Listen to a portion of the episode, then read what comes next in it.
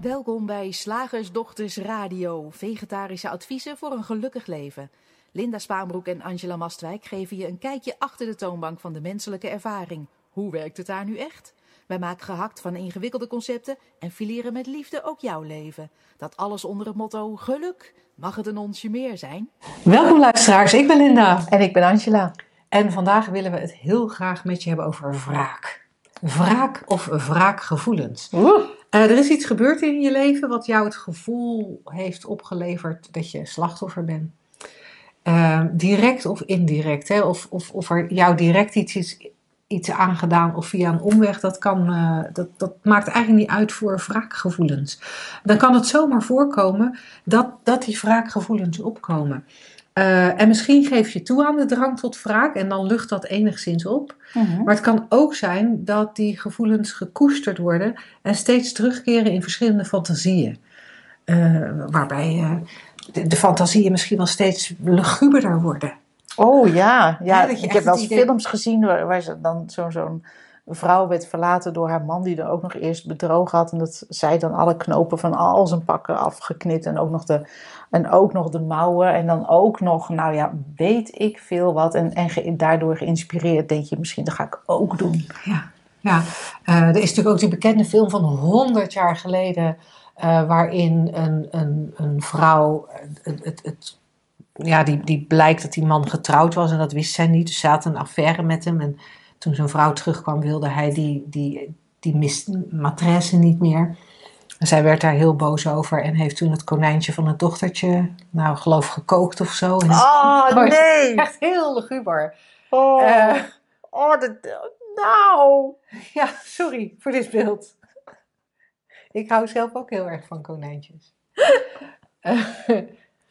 En niet om te eten, want ik ben vegetariër. Ik hou van konijntjes gewoon te kijken. Te levende konijntjes. Ja. Ehm, maar ja, dus, dus wraken, ik vind het wel een interessant, eh, een interessant gegeven wraak. Omdat het inderdaad lijkt dat iemand je iets aan heeft gedaan. En, dat, en, en je hebt zoveel gevoelens. Je hebt zoveel boosheid. En, er, en, en het voelt als onrecht. En dit had niet mogen gebeuren. ja. En dan, en dan wil je iets terugdoen. Zodat die ander net zoveel pijn heeft. dat hij ook slachtoffer wordt. Dat hij, ja. Het is wel gezellig, kan je samen in dezelfde pool gaan En zitten. ik weet eigenlijk niet. Ik, ik, het is interessant dat jij zegt slachtoffer. Ik weet niet eens.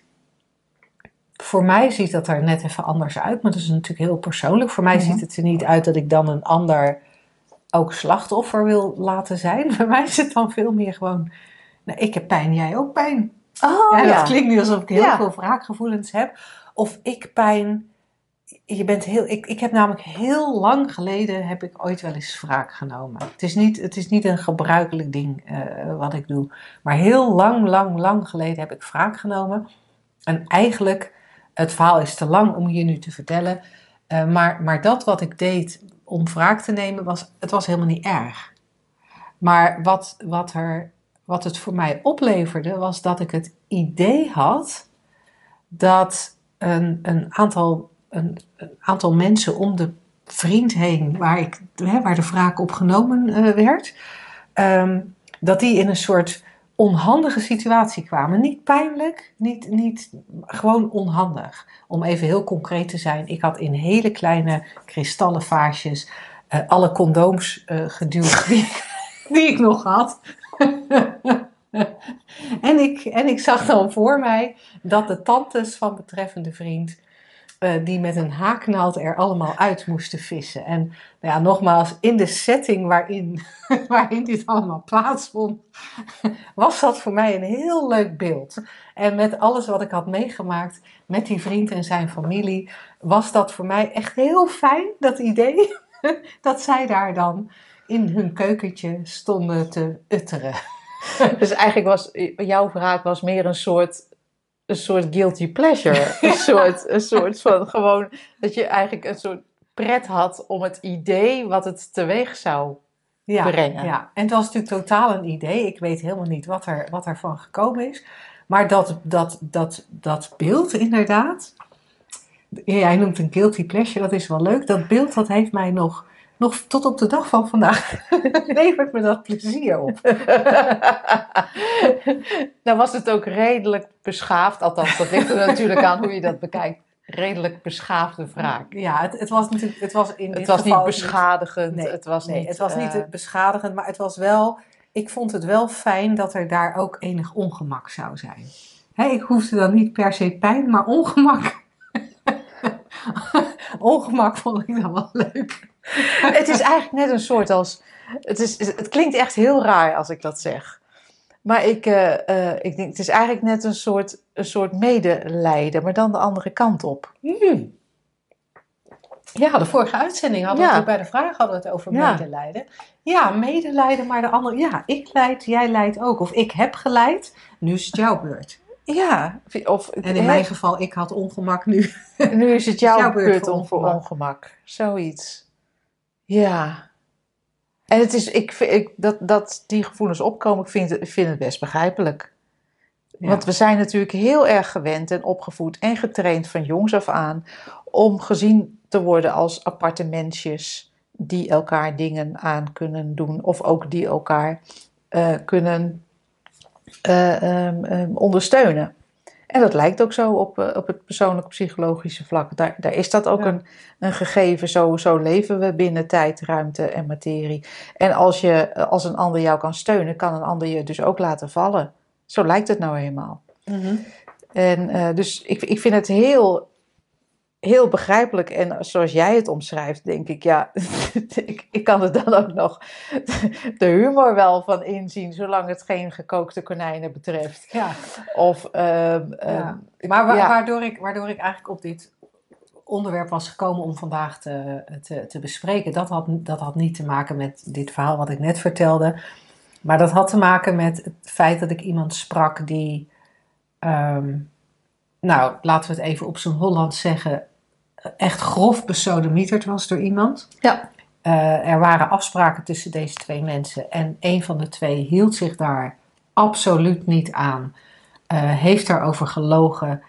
En, ehm, en, en, en toen dat uitkwam, was er ook geen gesprek meer mogelijk. En de, ja, degene die zeg maar in dit geval tussen aanhalingstekens bedrogen was, voelde zich inderdaad eh, slachtoffer. ja, kan me voorstellen. En, en ervaarde heel veel pijn.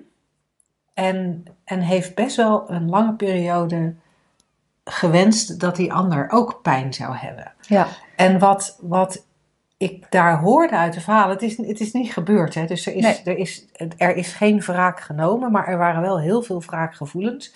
En als ik daarnaar keek, dan zag ik zoveel pijn bij degene die de wraakgevoelens had. ja pijn en boosheid. Zoveel pijn en zoveel boosheid. Dat, en, en de plannen die er gesmeten werden, en nogmaals, ze zijn allemaal helemaal niet uitgevoerd. Maar die waren best wel, die waren best wel eng om naar te luisteren, omdat die wel ver gingen in Ja. ehm, kwaadaardigheid. Mhm. En eh, wat, wat vanuit de boosheid en de pijn. Ja, het is heel begrijpelijk. kwa- kwaadheid, kwaadaardigheid eh, ligt misschien dicht bij elkaar. eh, heel erg gebruikelijk. Maar ik zat dat te aanschouwen en toen dacht ik, oh, wraak is wel, het is wel iets interessants. En ik had het idee dat als we daar met z'n tweeën eens over zouden mijmeren, dat er misschien ook, Mm. als het om dat soort gevoelens gaat, wat verlichting zou kunnen komen Ja, bij mensen die wellicht luisteren en, en hier iets in herkennen. Misschien bij die hele zware dingen, misschien bij kleine wraakjes. Weet je wel, dat dat kan natuurlijk ook. daar hang ik ook geen wc-rol op. Zo, moet hij hem ook maar zitten zonder rol Ja, op de wc. Ja. nou ja, bijvoorbeeld, dat En soort dan- dingen. Met de Ja. broek naar beneden door het hele huis heen. Of roepen schatje, schatje en dan niet komen. Ja. Ehm, want ik kan me voorstellen dat, dat de uitvoering aan zich van wraak, wat je, hè, en dan denk ik, oh, hou het, doe het niet zo pijnlijk. Maar dat dat wel opluchting kan geven, tijdelijk. Tijdelijk, zeg ik. Net Mhm. zoals een shot heroïne ook opluchting kan geven aan hele pijnlijke gevoelens. Of een fles drank. Dus ik, ik kan het me heel goed voorstellen. En dat gezegd hebbende, zie ik er ook iets in van, hè, dus, dus alle begrip. Maar ik zie er ook iets in van wat ik, wat ik eerder wel gezien heb bij, ehm, uh, soortgelijke gevoelens, ik weet niet eens meer wat dat precies was. Maar dat je eigenlijk jezelf onnodig pijn doet met het idee dat de ander daaronder lijdt. He, want wraakgevoelens aan zich en allerlei verhalen, eigenlijk is, het, brengt het je dieper in de pijn en ellende. En degene die je als de ander ziet, uh, weet daar helemaal niets van. En daarom kan ik me ook voorstellen dat je het dan wel uit wil voeren. Maar voordat we, voordat we daarheen gaan, want, want er zit iets onhandigs in. Ja, en, en voor mij ziet het eruit alsof je eigenlijk een stap terug zou kunnen zetten. Mhm. Want als je kijkt waar, nou ja, als wij er zo over filosoferen, dan hoor ik eigenlijk dat wraak opkomt als er bedrog is ja. geweest. Als je je bedrogen voelt, Mhm. als je je tekort gedaan voelt, als je je slachtoffer voelt. Ja. En, en voordat we dan gaan kijken naar wraakgevoelens en gaan zeggen: oh ja, die wraakgevoelens zijn eigenlijk heel logisch en ze zijn misschien ook natuurlijk. En ach, uh, een gevoel mag er zijn en uh, uh, nou, dat, geeft niet. Zou ik eens willen kijken naar dat slachtoffer, bedrog. Ja. Um, want want dat, gaat, dat gaat uit van een aantal dingen. Het gaat ervan uit dat die ander iets ge, gedaan heeft om jou expres pijn te doen. Mm-hmm.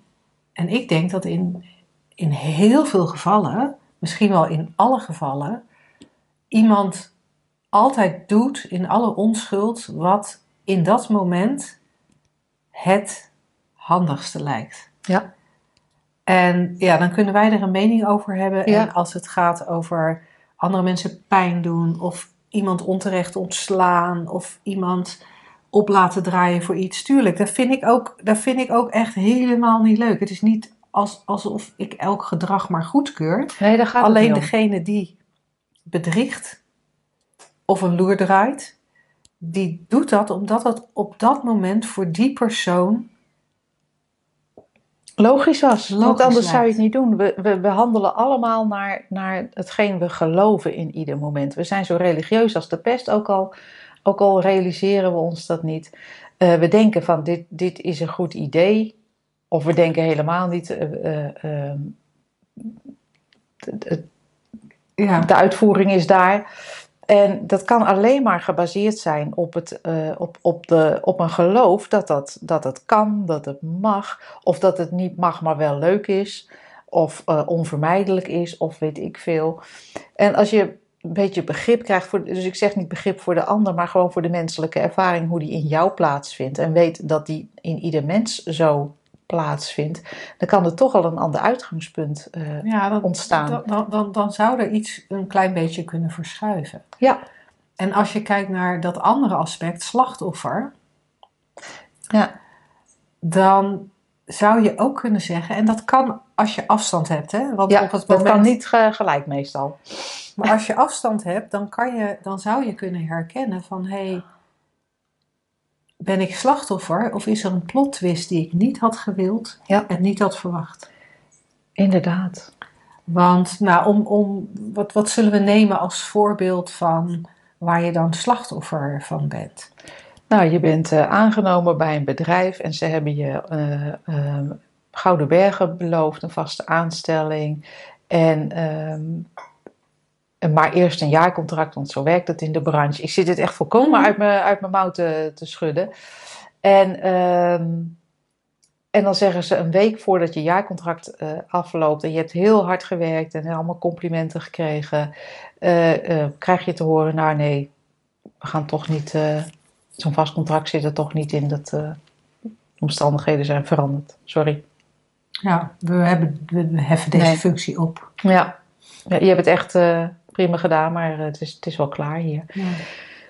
Dat je de neiging kan krijgen om, dat, eh, om, om zo'n bedrijf misschien eh, slechte recensies te geven op internet. Dat, zie, dat zou ik dan als vraag kunnen, Mhm. me kunnen voorstellen of zo. Hè? Of in je omgeving ver- vertelt wat een, wat een daar werken of zoiets. Of, Zoiets. of, of, of je manager Ja. zwart maken. Ja, of even een kras langs de auto. Ja. ja. Ja, wij weten het wel te verzinnen zoals je hoort. maar ehm, ehm, ik vind het inderdaad een leuke mijmering. Ik weet niet meer precies wat jouw vraag was. Nou ja, van, van, van kijk eens naar, ik ben slachtoffer. Ja. Een, een slachtoffer, ehm, daar zit voor mij hulpeloosheid in. Mhm. En er zit iets, er zit iets, ja, iets sneu en zieligs in. Mhm. Dat, dat hangt voor mij misschien samen met die hulpeloosheid. Ter- terwijl wat jij nu noemt, het is een onverwachte wending. En het Ja. is niet aardig dat ze het een week van tevoren eh, zeggen. En ik kan me helemaal voorstellen dat er gevoelens bij je opkomen van shit, wat moet ik nu? En hoe kom ik aan mijn andere baan? En da, da, da, da, da, da, da, da, da. Mhm. En tegelijkertijd kijk je tegen een plot twist aan. Verandert er, is, is er iets anders dan je had verwacht? En heb je in elk moment de mogelijkheid om, ehm, nou ja, dan Verder te leven. verder te leven? Ik, ik, de vraag die in mij ook opkomt is: kun je wel slachtoffer zijn? Ja, dat is wel een hele leuke. Kan dat wel? Want het lijkt zo te zijn, hè? Maar kan het wel? Of is er simpelweg dat leven wat, wat beweegt en gebeurt er iets waardoor je blijkbaar weet: met deze baan gaan we niet verder? Of met deze vrouw gaan we niet verder, of met deze man gaan we niet verder. Dat wordt duidelijk. Nou, want dat, dat, als je het hebt over bedrog in relaties, Ja, dat, dan, dat vind ik ook interessant. Dan is het, het wordt vrijwel altijd gepresenteerd dat degene die bedrogen heeft, hè, Mhm. die, die gelogen heeft, over Ja. wat dan ook, dat die de dader is. En degene die bijvoorbeeld vertrekt, het slachtoffer is. Mhm. En ik denk dan, ja, het is ook maar net hoe je het narratief vertelt. Ja. Want je kan ook zeggen, nou weet je, ik ben dus bij die kerel weggegaan, of ik ben bij die vrouw weggegaan, want dat bleek toch een leugenachtig type te zijn. ja. Nou, daar heb ik geen zin in. Ik ben wel blij dat ik dat nu heb ontdekt en niet over twintig jaar. Ik zeg maar wat, hè, zonder Ja. van een drollend taartje te willen bakken. Hè, dat weet ik helemaal niet.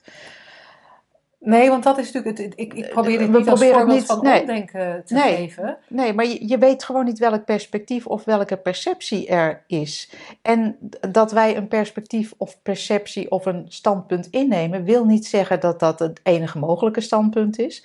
En het wil zeker niet zeggen dat dat de waarheid is, want we zijn dat wel heel erg geneigd te geloven. Hè? Want vertel iemand zo'n verhaal als dat jij net schetst, of dat ik net schets met dat werk. En, en 99 van 100 mensen zullen zeggen van jeetje nou wat erg en uh. of, of zoals mijn moeder dan van een drollend taartje bakte. Nou kind, dat geeft je de gelegenheid om een nieuwe baan te zoeken of een nieuwe man of een nieuwe vrouw Ja. eh, die beter is. Ehm, maar, maar voorbij dat, dat geknutsel en omdenken, denk ik gewoon de realisatie van het is alleen maar perspectieven die we innemen, die we, die, alleen maar perceptie wat we zien, alleen maar perspectieven die we innemen, alleen maar gedachten eigenlijk. Ja, gedachten en, en schieten Oh. ineens ook te binnen. Ook heel veel gedachten over hoe de situatie eigenlijk zou moeten zijn. Ja, Of hoe die had moeten zijn. Het had zo moeten zijn dat ik hier nog vijf jaar had kunnen werken en een Ja. mooie carrière had moeten maken. Het had zo moeten zijn dat ik met deze partner lang en gelukkig leefde. Het had zo moeten Ja. zijn. Nou, vul maar in, vul maar in wat voor een toepassing, wat, Ja. Wat van toepassing is. En daar zit wel een, voor mij, het lijkt dan vaak vechten tegen een ander. Het lijkt alsof we tegenover andere mensen staan. En voor mij voelt het als vechten tegen het leven. Het leven, het leven heeft eh, kronkels. Ik, ik kan in op dit soort momenten het leven vaak zien als een rivier. Die kronkelt. En, ja, en we vechten tegen, tegen de, de snelheid van de stroom. We vechten tegen de, de kronkels in de rivier. We willen het in ons eigen tempo. Liefst een rechtstreekse, een rechtstreekse lijn naar het einde in plaats van een kronkelende rivier. En daar klopt iets niet. nee, nee, het is ook een heel, ehm, klinkt even heel, heel, heel cru hoor wat ik zeg. Maar ik bedoel, ik bedoel, het is een egoïstisch perspectief. Met, en dan bedoel ik van we zetten onszelf in het middelpunt van de wereld in plaats van onderdeel van het leven. Ja, dat is Hè, mooi zoals, die, zoals die rivier die jij, eh, die jij omschrijft. En wat het nuttige daaraan is, denk ik zelf, als je daar een beetje nieuwsgierig naar wordt en ziet dat dat zo werkt, en niet als nieuw iets om te gaan geloven, maar van, oh damn, het is gewoon allemaal leven in uitvoering. Jij, hij, ik, het weer, eh, eh, eh, de omstandigheden. Het is allemaal gewoon leven wat leeft. En ehm, dat geeft ons ook de mogelijkheid om elke keer weer fris op te komen dagen. En die oude, oude ja, dat, die, die zware rugzak met derry, Mm. echt, echt een, zo'n, zo'n bag of shit die je met je op je rug meedraagt. Want waar ook die, die wraakgevoelens in zitten, want ze helpen je natuurlijk helemaal niks. Ehm, om, om die door te prikken, op te laten lossen. En dan kan je eigenlijk lichtvoetig eh, eh, ver- verder. Niet, misschien niet direct en misschien niet in elk moment. Want misschien eh, hè, komt het weer op en heb je toch, zit je toch weer even op een gedachtespoor. Van, in een gedachtegang die heel nauw wordt. Van oh, zo had het niet gemogen. Of hij zei het had zo niet gemogen. Maar het biedt wel een beetje eh, de mogelijkheid om om ook weer toch dat frisse perspectief te hebben. En gewoon te kijken, eh, wat is er nu en wat, wat wil er nu gebeuren? Waar wil het leven nu heen? Lijkt me wel fijner. Ja, cool.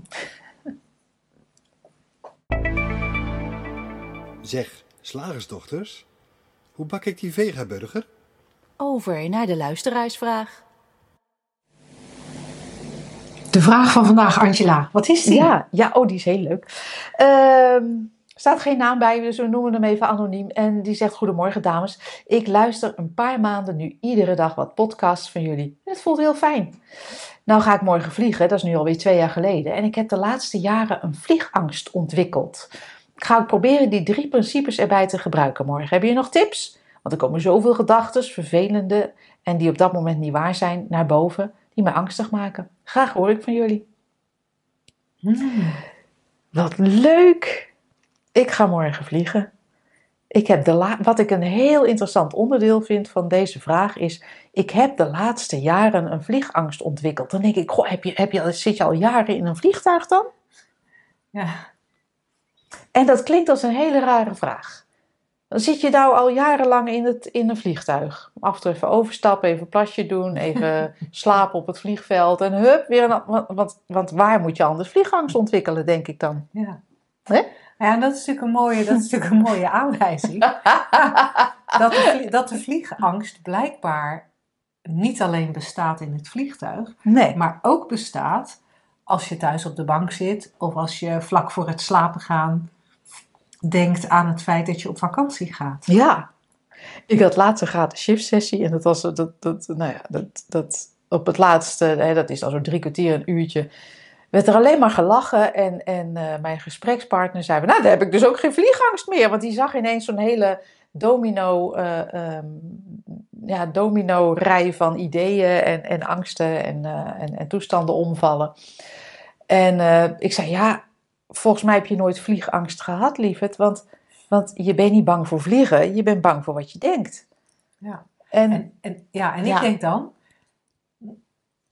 wat er erg op lijkt, je bent bang voor wat je voelt. ja, ook. Want wat er volgens mij bij vliegangst gebeurt, en misschien wel bij elke, elke vorm van angst, Nou. is dat er sensaties zijn die je onwijs naar vindt. Mhm. Echt gewoon echt hele vervelende sensaties. Dus er is in dat Echt. moment echt een, er- een nare ervaring. Ja. Zweten, buikpijn. Trillen, Trillen. dichtgeknepen keel, echt eh, hand om je maag. Echt niet leuk. En Nee. tegelijkertijd is er heel veel denken. En dan bij vliegangst stel ik me zo voor. Wat als we neerstorten? Wat als het vliegtuig, als er een vleugel afvliegt, valt? Wat als er turbulentie komt? Wat als er een bom ontploft? Wat als die tegen een, een- nou ja, tegen een, een, een Empire State Building aanvliegt? Nee, die Eh, kan niet meer. Ja, die kan nog wel. Die oh, die zijn nog. 20. dat is waar ook. Wat als ik in het water terechtkom. Oh. En, en, en, en wat, wat als ik flauw val, omdat Ja. ik het zo benauwd krijg? Oh. Eh, wat als ik moet overgeven in het vliegtuig? Wat als ik ga huilen? Wat als ik ga gillen? Er kan van alles, van alles, alles, alles in je opkomen en dat, valt allemaal, dat, dat, dat voelt allemaal heel slecht. En dan, en dan noemen we dat vliegangst. Ja. Omdat de gedachten gaan over dat vliegtuig en jouw positie in dat vliegtuig. en, en, en als we uitzoomen, dan kunnen we herkennen dat elke ervaring, of het nou de ervaring is die wij op dit moment hebben van hier zitten aan tafel met een kopje thee en, en laptops en een camera voor ons, of de ervaring van ruzie met je partner, of de ervaring van fijn vrij met je partner, of de ervaring van een lekkere maaltijd, of de ervaring van vliegangst. Elke ervaring bestaat bij de gratie van denken in bewustzijn. Er is denken, maken we dat persoonlijker, je hebt gedachten. Mhm. En er is bewustzijn, maken we dat persoonlijker, jouw bewustzijn voegt special effects toe aan wat er, wat er gedacht wordt. Ja. Waardoor de gedachte oeh vliegen, het bewustzijn creëert daar misschien wel een klemmend, klemmend gevoel om je maag bij. Of eh, eh, creëert daar ja, als special effect eh, zweten bij. Of verzin maar iets. En, maar dat, dat denken en dat bewustzijn, dat, dat is wat die beleving creëert. En nogmaals, de beleving van angst, maar ook de beleving van iets fijns. Of de beleving van iets lekkers. Of de beleving van iets grappigs of iets lolligs of whatever. Wraakgevoelens. Wraakgevoelens. Maar dat is altijd het enige wat er aan de hand is. Ja. En als je dan zegt, ja, wat moet ik daar nou ja. aan doen? Ik ga die drie principes gebruiken. Hmm. Dan ben je eigenlijk al een stap, een stap te ver, hè? Ja. Ja, want dan, dan zou, dat klinkt alsof die drie principes een toeltje zijn. Eh, je hoort dat natuurlijk wel, hè, van dat, mensen denken dat het een methode is. En dat de boodschap is dat je bij alles wat je voelt en alles wat niet fijn is, of ehm, hè, moet zeggen: Dit is maar een gedachte. En dan krijg je zo'n idee, dan, nou, dan zie ik zo iemand zitten in een vliegtuigstoel en met de mantra: Het is maar een gedachte, dit is maar een gedachte. Oh, dit is maar een gedachte, dit is maar een gedachte. Maar dat zeggen we helemaal niet wij nodigen je uit om nieuwsgierig te worden naar ehm, ehm, het gegeven dat elke ervaring tot stand komt zoals Linda net uitlegt. Goh, nou, goh, dit ook? Ja, dit ook. Dit ook? Ja, dit ook. Ja, en dan, en dan bestaat de mogelijkheid dat je minder bang wordt voor wat je in een moment ervaart. Ja, En, en dat geldt wat mij betreft ook voor dingen als boosheid en verdriet. Hè? Want boosheid kan ook zo naar zijn Ja. dat je daar een beetje bang voor wordt. Bijvoorbeeld die als, het, als, als die boosheid tot wraakgevoelens eh, lijkt te leiden. Ja, dan kan je daar best een beetje bang voor worden. Als je alsmaar visioenen hebt van, het, moord. van, van de killen van je ex-echtgenoot. Dan, dan kan ik me voorstellen dat je daarvan schrikt. Ja, Ehm, maar ook verdriet kan, of, of fysieke pijn kan, kan angst oproepen van dat, dat Ja. het nooit meer over zal gaan. En dan word je bang voor de ervaring zelf. En, en met begrip van die drie principes, hoe het gewoon werkt, kan het zomaar zijn dat je je angst verliest voor de menselijke ervaring. En dan kan je nog steeds in een vliegtuig zitten met klotsende oksels en eh, kotsend en wel misschien. Alleen dan is dat aan zich geen probleem meer. En dat is een groot verschil met iets proberen te doen aan je klotsende oksels en, eh, Ja. en kotsen. Ja, want er zit natuurlijk iets, iets, iets fascinerends in waar we vaak niet bij stilstaan. Is dat jij, jij, jij bent niet de gedachtenfabriek. Jij Nee. lijkt wel. Het, het, we maken dat heel persoonlijk. We denken, ik heb deze gedachte. Ik moet andere gedachten krijgen. Ik doe het fout. Ik zou dapperder moeten zijn. Maar dat ik, dat klopt niet. Nee, dat is ook al een gedachte. Ja, leg eens uit. Nou, dat is, dat is grappig, want dat is zelfs eh, eh, neurowetenschappelijk ook al aangetoond. En, niet dat je dat, eh, als je het leuk vindt, zou je daarin kunnen duiken. Daar zitten aanwijzingen in, in die, neuro, in die modernste neurowetenschappen. Dat het idee van ik, dus ik los van jou en los van de wereld en los van in een vliegtuig zitten of los van angst. Hè, want ik heb angst of ik heb gedachten. Eh, dat dat simpelweg een gedachte is in je linker hersenhelft die enig moment geloofd wordt. En zo, zo, zo, zo echt lijkt dat we bijna niet eromheen kunnen kijken. Leuk om nieuwsgierig naar te worden, Ja. maar dan zou je kunnen ontdekken dat, de simpel, dat leven simpelweg gebeurt. En het is zo, het is zo paradoxaal, hè? want dit klinkt als ik zeg van, nou ja, het zou kunnen zijn dat je niet meer bang bent voor het eh, trillen in het vliegtuig. Dan denk je, nou ja, oké, dan maar de rest van mijn leven trillen in het vliegtuig, maar dan is dat geen probleem meer. Maar dat is de effectparadox. Het kan dan wel zijn dat dat wegvalt, alleen niet omdat je probeert dat effect weg te krijgen. Snap je een beetje wat ik bedoel? Dus een soort een beetje lastig, want als je met die drie principes, als je daar een methode van maakt en daarmee probeert ergens van af te komen, van angst in welke vorm dan ook, of van boosheid of slachtofferschap of wat dan ook, dat werkt gewoon niet. Het, het simpelweg in alle rust kijken naar hoe werkt het nou, kan wel als bijeffect hebben dat gevoelens makkelijker doorstromen. Ik zeg niet dat ze nooit meer beleefd worden, dat weten wij niet, dat kunnen wij helemaal niet garanderen. Of eh, dat zou heel gek zijn, je blijft gewoon mens. Maar dat, dat, dat gevoelens, dat ze misschien opkomen en weer verdwijnen. Dat je even zit te trillen in het vliegtuig en dat, dat je denkt, oh ja. En dat het weer verdwijnt. Of dat, het, he- dat je merkt aan, bij de landing, oh, nou, ik ben helemaal niet bang geweest. En Dat- dus- ja, ja, ja. dat weet je niet. Ja. Dat weet je helemaal niet. Maar eh, je draait de zaken om als je van een effect af wil door de drie principes te gebruiken. Kijk gewoon waar, waar die drie principes naar wijzen, waar ze, wat ze omschrijven en waar ze naar verwijzen. Naar het feit dat ook ik een gedachte is, uiteindelijk. Ehm, en dan zie je wel wat de effecten zijn. Ja. En als je nou wat meer zou weten over die drie principes, omdat je bijvoorbeeld een vrij nieuwe luisteraar bent en, en denkt, oh, ik, ik weet eigenlijk niet helemaal precies wat, wat, wat ze zijn en hoe dat dan zit. Eh, ga dan naar slagersdochters.nl. Eh, daar kun je eh, gratis een e-book of, of een pakketje. We zijn net in de, in de overgangsfase. We zijn, we zijn een soort starterkit of een soort makkelijk leven kit aan het maken die je gratis kunt aanvragen. Maar op het moment dat we dit inspreken is het nog alleen een e-book Drie Principes voor Geluk.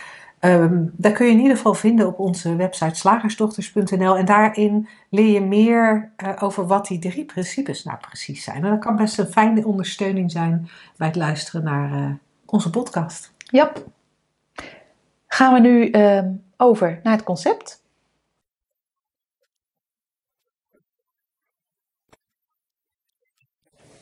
Het concept van vandaag is van onze andere conceptgenerator. Ja. Daar zijn we heel blij mee dat wij de concepten niet meer zelf hoeven te verzinnen. Je kunt ook te aardig zijn. Oké. ik denk dan gelijk aan het voorbeeld wat jij gaf. Nee, je bent zo besodemieterd en dat laat jij zomaar over je kant gaan. Meid, je kunt ook te aardig zijn. Je moet er iets aan doen. Je moet wraak nemen. Je moet wraak nemen. Om in het kader van deze radioshow te blijven. Ja, ik vind het heel interessant, want wanneer ben je dan te aardig? Ja. Wie heeft de maatstaf bedacht? Waar is die meetlat? Wat is aardig zijn eigenlijk? Ja. Ja, nee, dat is een interessante vraag. Is Wat grappig. aardig Wat zijn is, wat is aardig? Ik vind, ik vind het een leuk woord op zich, hè? etymologisch gezien. Ik weet niet waar die vandaan komt, maar aardig, dan denk ik van de aarde, aarde. Maar dat, dat zegt het helemaal niet aardig. Wat, wat verstaan we eronder? Dat we lief zijn of eh, rekening houden met de ander? Of vriendelijk? Is het vriendelijk zijn? Ja, misschien wel, maar ja. Ja. Ik, ik, en wat in mij opkomt, dat ik het gisteren met, eh, met iemand over had, toevallig. Ehm, ehm, jaren geleden, toen de drie principes eigenlijk eh, ehm, net wat meer in, in Engeland en weet ik veel eh, op maat deden gelden. eh, werd de Three Principles Supermind opgericht. En daar was ik dan, weet ik veel, zat ik in de faculty. En hadden we twee keer per week een gesprek. En daar, kwamen ook aanvragen uit voor persoonlijke gesprekken. En ik zie nog mijn, eh, mijn geliefde tegen iemand keihard schreeuwen. keihard schreeuwen. There's nothing wrong with you. In de computer, want de, de toehoorder zat in, in, in Amerika. Nou, dat vind ik echt, was zo onaardig Ja. wat het teweegbracht was wel dat die man na twintig jaar eh ehm excusele mauzeuren over zijn verslaving dat eh, daarmee kon stoppen. Want er, er ontstond acuut een, eh, een shift, zou je kunnen zeggen. En zou het kunnen zijn dat als we het hebben over te aardig, dat we dan eigenlijk bedoelen ehm, je, dat je, je doet dingen tegen je zin die Oh. je eigenlijk niet fijn vindt. Zou kunnen. Je laat een beetje over je heen lopen. Je doet aardig, maar eigenlijk zou je iets anders willen. Oh. Want, want als, als er aan mijn kant helemaal niks aan de hand is. Weet Ja. je, ik, ik, ik, ik doe iets voor een ander. Of ik glimlach vriendelijk naar een ander. Of wat we dan ook verstaan onder, Ja. onder aardig. Ik ga iemand zijn voortuintje eh, eh, bezemen. Geen idee wat ik doe om aardig te zijn. Maar dat doe ik. Volgens mij is daar niemand die daar ook maar iets over zal zeggen in de zin van te aardig. Hè? Dan, dan, dan zullen mensen hooguit zeggen dat is aardig van je. Ja. Ik denk dat het pas te aardig wordt als ik zeg. Nou, ik heb dus eh, de tuin van mijn buurvrouw nu al voor de derde keer geveegd. En ze heeft nog niet één keer dankjewel gezegd. En het komt uit een goed hart natuurlijk, hè? Maar het zou wel fijn zijn als het gewaardeerd werd. Of als, eh, of, of als ik eh, iemand help met zijn of haar website. En dan, nou, dat is heel aardig van mij, want dat werk doe ik eigenlijk niet meer. En ik hoef er ook geen geld voor, want ik doe dat werk niet meer. Maar ja, dan hebben ze me daar ook niet uitgebreid voor bedankt. Of ze hebben me daar ook niet een doosje chocola voor gegeven. het is echt grappig. Dat Of je, nou vragen ze me zes weken later om hun tweede website ook zomaar gratis voor ze te doen. was je aardig onder voorwaarden. Maar moet het niet, moet het niet, zo, moet het niet Ja, zoiets zijn dat je eigenlijk als, als te aardig aan de, aan de orde komt, dat dat eigenlijk alleen maar is omdat, erbij, om, om, om, omdat er een soort frictie ontstaat ja. tussen, tussen de, de, de, de, de aardigheid en de respons van de ander. Van de ontvanger. Of dat de, Ja. degene die aardig is eigenlijk gewoon dingen doet die, die- waar hij geen zin in heeft. En dat, dat, dat is op zich, ik, ik, ik raad even een beetje door, omdat ik ineens, omdat ik wel iets herken.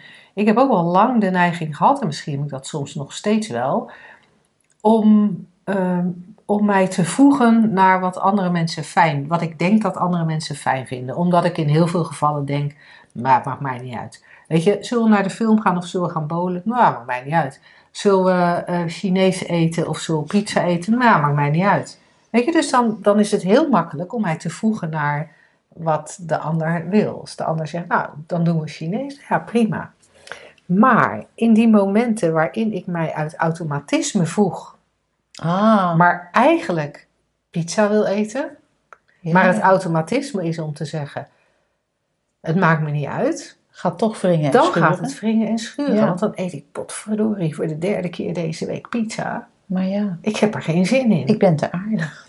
Wat ik ook nog dacht, en dat was meer een soort, dan, eh, het, het idee kwam in mij op van dat je toeschouwer bent van, een, van iemand die aardig is jegens een ander iemand.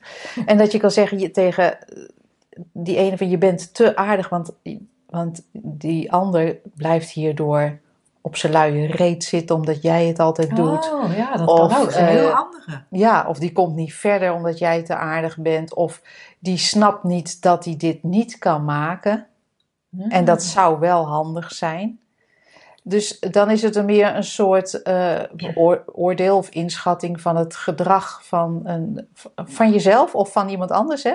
Eh, door het effect wat het heeft op een medemens. Ja, en dan, dan zou je kunnen zeggen, dan als toeschouwer Oh, ja. zie je dat iemand bepaald ongezond gedrag enabled. Ik weet even, is Ja. er een Nederlands woord voor, voor enabelen? Ja, nee, mogelijk maakt, eh, ehm, hoe heet het, ruimte biedt aan. Ja, een beetje ondersteund. Ik, ik, ik, eh, heel af en toe verval ik wel eens in zeppen. En dan kom ik af en toe wel eens op TLC een programma tegen dat heet My Sec- 600 Pound Life. Oh ja. En dat gaat altijd over mensen die dan ruim 300 kilo wegen. Mhm. En die, die hebben eigenlijk altijd een enabler in hun omgeving. Er is altijd iemand die, en dan snap ik hem, die te aardig is. En die als er gezegd wordt, of die, die- als er vanaf het bed, hè, soms wordt er vanaf het bed geschreeuwd, want zo iemand kan dan al niet meer zijn bed uit. Je moet hamburgers voor me halen. Je moet hamburgers. Ik, kan, ik moet nu echt hamburgers. Als je nu niet snel hamburgers haalt, dan word ik heel boos. En dat dan de enabler in de auto stapt en hamburgers gaat halen. En dat we dan als toeschouwer denken, nou die is te aardig. Ja, die is te zo, aardig. zo, zo, En dat is ook niet Ja. goed voor, de, voor Nee, degene die, die, die een soort van invalide wegens overgewicht op bed ligt. Ja, Oh, dat is wel echt een heel andere vorm van te aardig zijn. ja. Maar dan nog, ga je dan niet, niet ook nog steeds. Is dan ook niet nog steeds dat je over grenzen gaat? ja weet Of ik, dat, je, weet dat, je ik ding- niet. dat je dingen doet? Weet ik niet. Misschien vanuit een verkeerd uitgangspunt. Want, want bij, dit soort, bij dit programma is mijn Ja. inschatting altijd dat de enabler, die is altijd bang voor de boosheid van, Ja. van de persoon die op bed ligt. Ja, dus, dat, dus je zou het kunnen zeggen. Ik weet niet of het waar is. Nee. Ja, je, ja. Je, bent te aardig voor je kinderen. Zo leren ze nooit eh, hun eh, sokken oprapen, bijvoorbeeld. Ja, dan kan het inderdaad zijn dat die moeder denkt: Oh, oh maar ik vind sokken oprapen heerlijk. Maar echt oprecht. Of dat ze denkt: van, Ja, je hebt gelijk ook, maar ja, ik heb geen zin om een zeur te worden. Of. eh, ehm, ik wil dat mijn kinderen mij herinneren als een leuke en een lieve moeder en niet een sokken opraaptrut. Wat ik dan toch hoor, ik blijf bij, Ja. ik blijf bij mijn Nee, punt. precies. Ik zeg dus die twee dingen zijn mogelijk. Wat, wat ik dan Ja. toch weer hoor, is dat als dat te aardig eigenlijk alleen maar speelt op het moment dat iets gedaan wordt met een ulterior motive. Ja. Als ik in, gewoon in helderheid en omdat ik daartoe geïnspireerd ben sokken opraap, dan, dan weet ik niet of iemand tegen mij zal zeggen: Je bent te aardig. Want dan komt dat hele sokken oprapen echt helemaal nooit ter sprake. Komt nooit ter sprake. Nee. Het, het wordt pas een ding als, als, als ik erover ga praten. Of als er ja, toch een soort van wrijving is. Dat, dat de kinderen wiens sokken altijd opgeraapt worden... ook op, eh, zeg maar op allerlei fronten zich als verwende krengetjes gedragen. En je ziet, en je ziet dat de moeder of de vader in kwestie... zich in bochten wringt. Of, of van gedrag verandert. Of, ik weet het niet. Ik kan het moeilijk omschrijven. Zeker als het natuurlijk de perceptie van een ander is die zegt: Jij bent te aardig. Maar voor mij zou toch de kijkrichting zijn: Doe je het helder, geïnspireerd? Of doe je het omdat je je kinderen niet boos wil maken, een bedankje wil, een schouderklopje wil? In, in, een, in een soort rol wil blijven zitten die helemaal eigenlijk niet fijn is. Of controle wil uitoefenen? Kan ook. Ja. Nou, leuk om, eh, om over te mijmeren. Tot volgende week. Tot dan.